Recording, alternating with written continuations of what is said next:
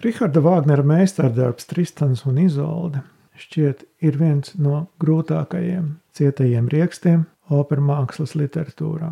Darbs, kurā Vāgners nenoliedzami meklē jaunus izteiksmes veidus, jaunu saiti sižetam un harmonijai.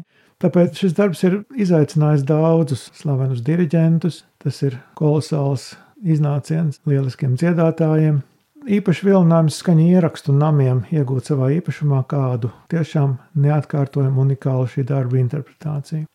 Mūsu nelielais stāsts šodien ir par ierakstu, kuram gandrīz vai nebija lēmts ieraudzīt dienas gaismu, un runa ir par Karlasa Klaibera 982. gadā Dresdenē ieskaņoto Tristana Izoldes redzējumu un vīziju.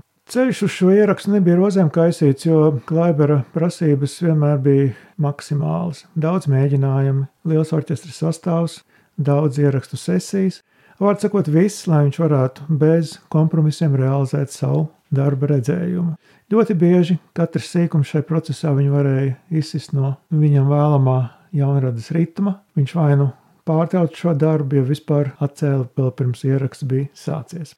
1981. un 82. gads nebija viegls periods Karlusa Klēbera dzīvē. Šis posms saistās ar daudziem atliktiem projektiem, kuri tā arī nekad neraudzīja dienas gaismu, ar ārkārtīgi pretrunīgajām kritikām par viņu uzstāšanos Londonā, kuras pārlasot šodien, šķiet, ka tur nu angļu spalvas dižgari mazliet ir pāršāvuši pār svītru.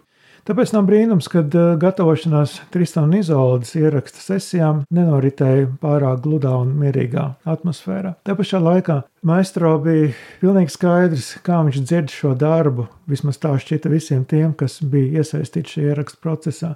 Ierakstu nams Deutsche Grammophon izpildīja visas Karlusa Klaibera prasības, un uz šo ierakstu tika uzaicināti tiešām izcili vokālisti René Kollo, kā Tristans, Kurts Mols, Brigita Fassbender, Dietrich Fischers Dīskaus, taču izoldes lomai izvēlētā dziedātāju izbrīnījumi pat varētu teikt šokēja daudzus. Tā bija Margarita Praisa. Velsiešu soprāns nekad nebija dziedājis šo lomu skatuves, un arī pēc ieraksta nekad viņa neuzstājās nevienā Tristana izoldes iesniedzējumā.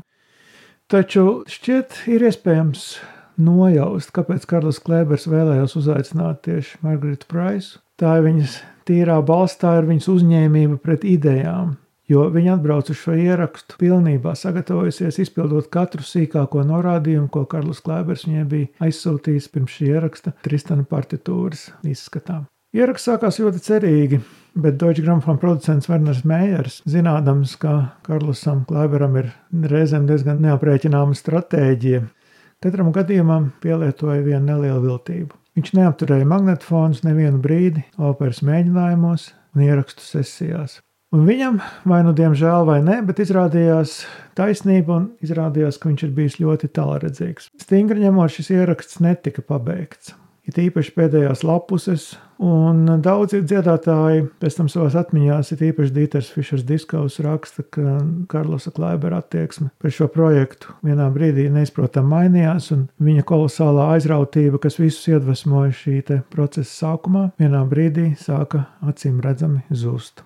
Darba procesa otrajā pusē Klaiberam un lieliskajam dziedātājam Renē Kolā noprieda pamatīgs konflikts, ko laikam ritot, faktiski neviens no otras vairs necentās, no cīm redzot, nespēja noslēpt. Karls cerēja, ka viņu atbalstīs ierakstu producenti, taču viņš šķiet palika nesaprasts. Viņš eh, pameta šīs sesijas, darbu līdz galam nepaveicis, vismaz viņam pašam tā šķita. Tomēr viss materiāls bija producentu rīcībā, un pēc gandrīz divu gadu rediģēšanas un montāžas procesa šis monumentālais opus tika nodots klausītāju vērtējumam visā pasaulē. Karls uz ilgiem laikiem sabojāja attiecības ar savu ierakstu kompāniju, un šis ir pēdējais darbs, kur viņš ir ieskaņojis studijā. Visi pārējie ir dzīvie koncertu ieraksti, kur vismaz viņam bija tiesības noteikt tajā vienīgajā mirklī, kas un kā skanēs.